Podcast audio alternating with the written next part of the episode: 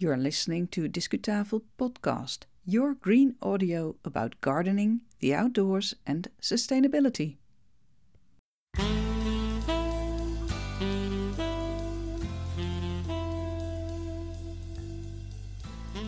You have arrived at episode number 151 of Discutafel Podcast. Welcome! We, my name is Ivonne Smit, and we released this episode on October the 12th, 2023. As usual, you will be able to listen to this episode for years to come. This time we travel to the town of Utrecht, the Netherlands, to visit the Utrecht University Botanic Gardens. And Dutch listeners might remember three earlier episodes on this garden, which we released in January through March 2023. In this current English episode, we visit the garden and we have an update for you in English.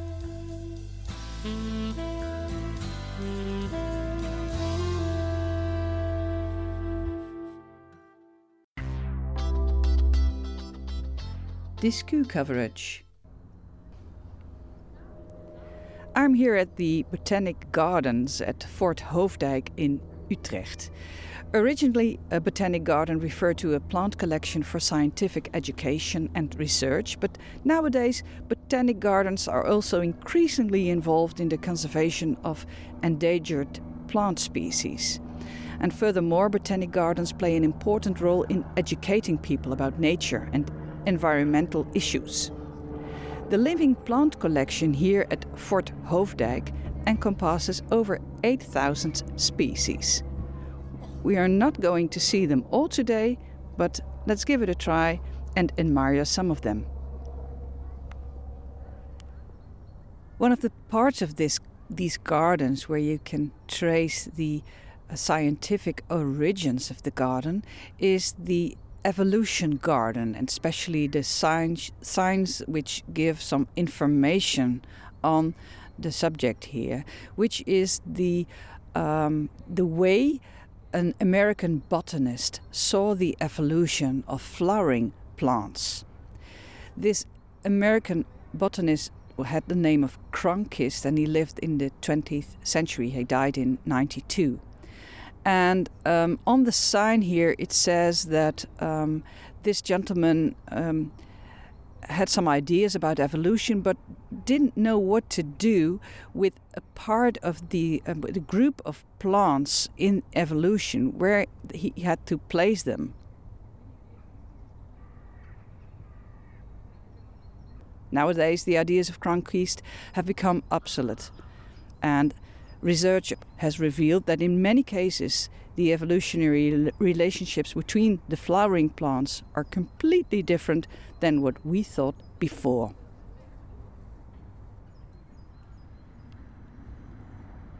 We have arrived in the uh, so called evolution garden, and this part of the garden houses several ancient plant groups that existed long before the rise of the flowering plants which um, must have been about 200 million years ago. And they were part of the age of the dinosaurs. That's why we see a big uh, statue here of a Tyrannosaurus here on this spot. Quite impressive, I must say. Um, all seed plants in this part of the garden are members of the gymnosperms, which form naked seeds and bear cones instead of flowers.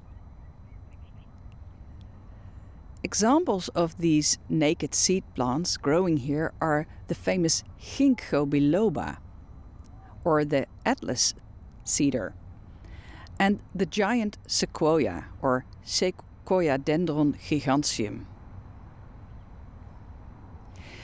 In this area, I see also um, some spore plants. The spore plants are even an older plant group than the naked seed plants. And more information about these spore plants, like ferns and horsetails, is available on separate information sign, and we walk towards it now.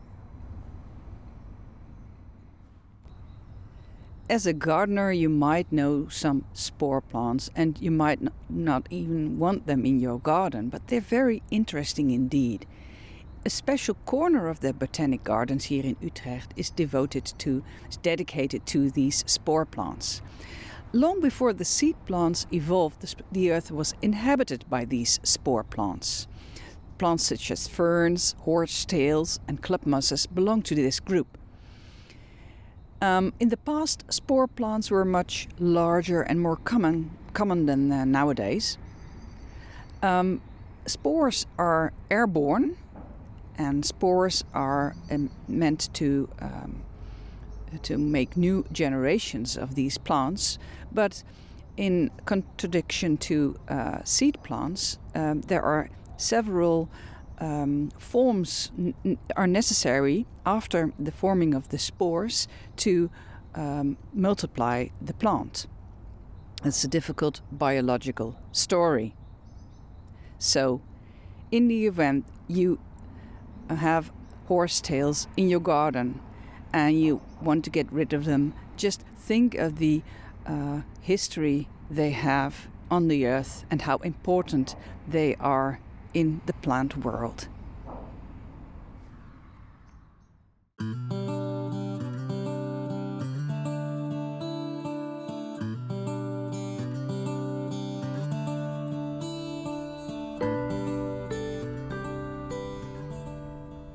Here in Fort Hoofddijk is, the, in fact, it's the third location of the uh, uh, botanic gardens here in Utrecht.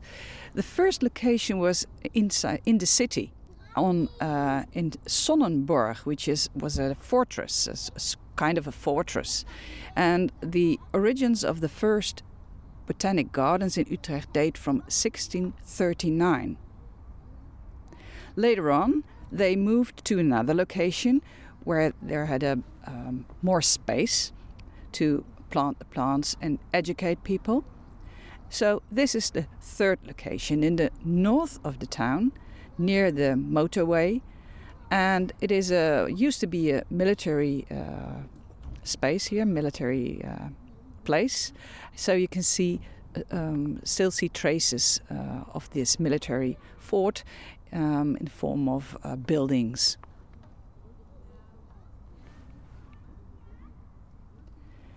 In the old days, they used the uh, botanical gardens to educate students on the medicinal power of plants.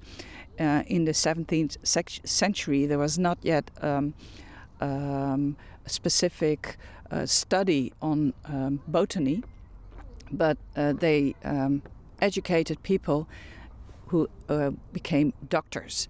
And it was important to know which uh, medicinal power those plants had. That was the main purpose of the Utrecht University Botanic Gardens. But later on, um, the gardens had a more um, public um, goal, so to speak.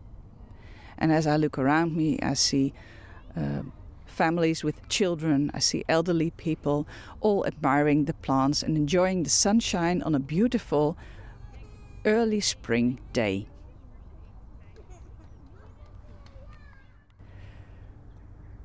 We are walking now on a garden path which is completely made out of concrete.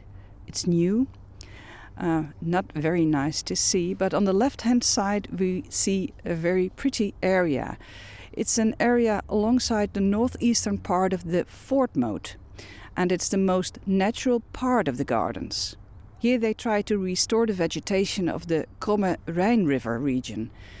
Um, plants here thrive, such as ox-eye daisy, greater yellow rattle, and agrimony.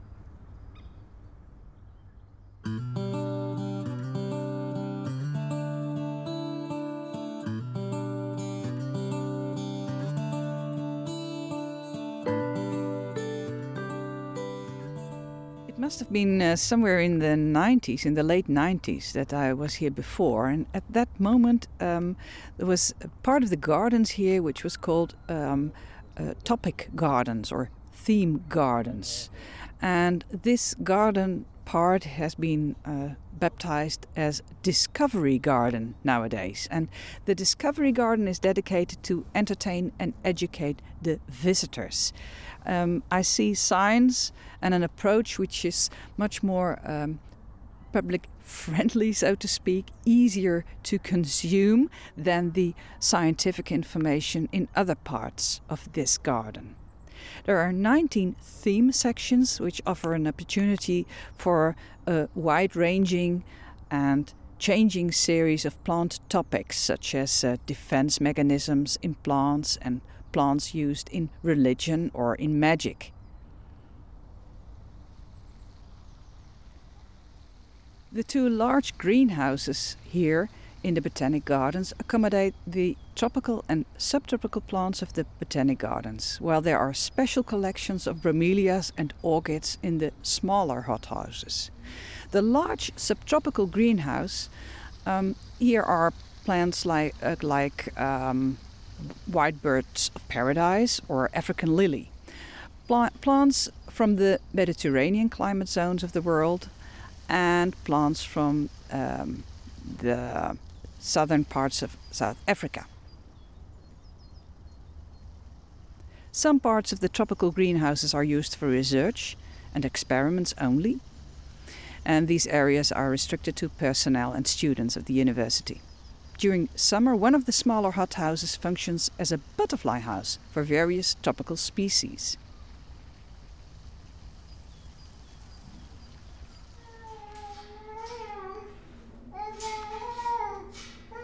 And now we are at the entrance of the butterfly house.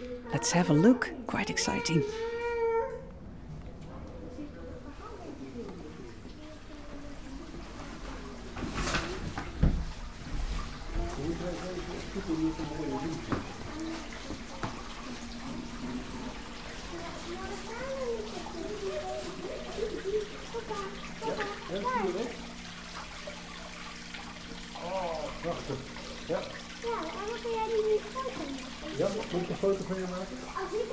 So, what we see here is a greenhouse of about, well, I think about 5 meters wide and about 15 meters long.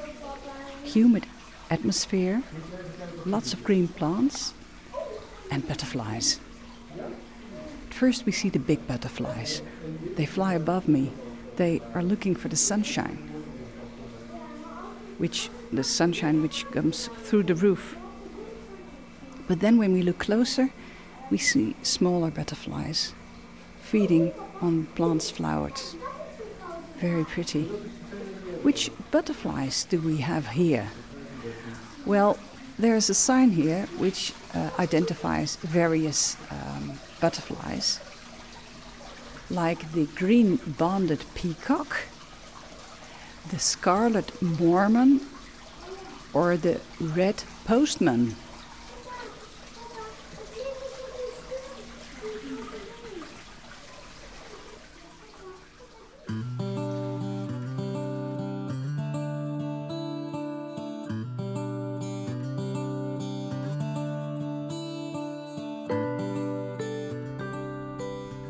After our walk in the botanical gardens of the University of Utrecht, we find ourselves find ourselves back on uh, a small terrace near the entrance, enjoying soup and a cup of tea. Looking back at our visit, we think it's very interesting to go here, but in the end, we think it's um, the magazine format is is a little too much for us. Um, by magazine format, I mean that there are different approaches to plants and gardens, which are not quite consistent, which which mix up in your mind. You have the traditional garden with the uh, signs of the uh, Latin botanical names of the trees and the plants. Um, you have the butterfly greenhouse, the, the glass houses with subtropical plants, um, but also the um, more naturalistic environment uh, around the um, moat, and the new garden, which is being built at the moment. And this is part of the explanation why it's a little bit confusing, all these different approaches. The new garden with the um, discovery element in it is very interesting indeed, but with 19 themes in one garden part, it's a bit much. Um, perhaps I'd advise you to choose one of the approaches and leave it with this approach during your visit to the botanical gardens of Utrecht University.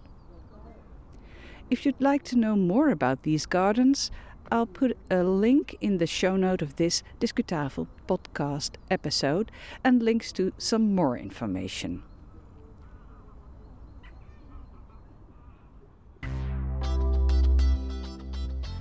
Discu knowledge. Fast forward to October 2023 in my October garden. It's been more than 18 months now since I visited the Utrecht University Botanic Gardens and made these recordings, and I have an update for you. Remember the scientist Cronquist and his ideas, which are now considered obsolete? Well, the Green Time Machine will replace the old evolution garden, which was based on Cronquist's ideas. And this new time machine will be much more accessible than the former Evolution Garden. It's still the scientific heart of Utrecht University Botanic Gardens, but it tells the story of the evolutionary relationships of the plant kingdom based on current knowledge. And in this new evolution garden, you walk from the beginning of plant evolution to today's diversity of flowering plants. And during that walk, you spend roughly 450 million years of plant evolution. In Utrecht, they have been dismantling the old evolution garden during 22 and 23. Many plants will find a new home in the green time machine, and some trees and shrubs stay behind.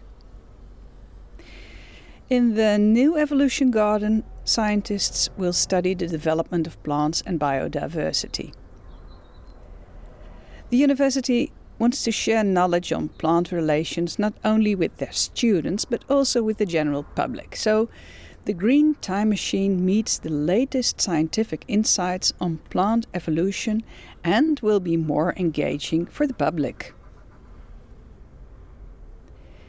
The official opening of this Green Time Machine in Utrecht University Botanic Gardens will take place somewhere in 2024.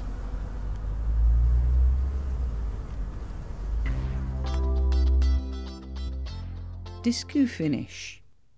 In case you wondered what the buzzing bees at the background did in these last recordings, well, I was standing next to the flowering ivy in my October garden, and these flowers attract lots of bees. Perhaps you heard them. Anyway, thank you for listening to this episode of Discutafel podcast. If you would like to know more about the University of Utrecht Botanic Gardens, please visit our website discutafel.nl. We always publish a show note together with the episode. Perhaps you're interested to sign in to our newsletter, DiscuPost. Well, on discutafel.nl you'll also find a sign in form. And we are very active on Twitter, or X as it is called nowadays, so please go and chat with us there. You'll find us at the timeline of Discutafel. Next English episode will be online this month in October 2023, and I'll invite you to join me on my walk in a famous garden in Canada, the Van Dusen Botanic Garden in Vancouver. In the meantime, let's go outside, and until next time.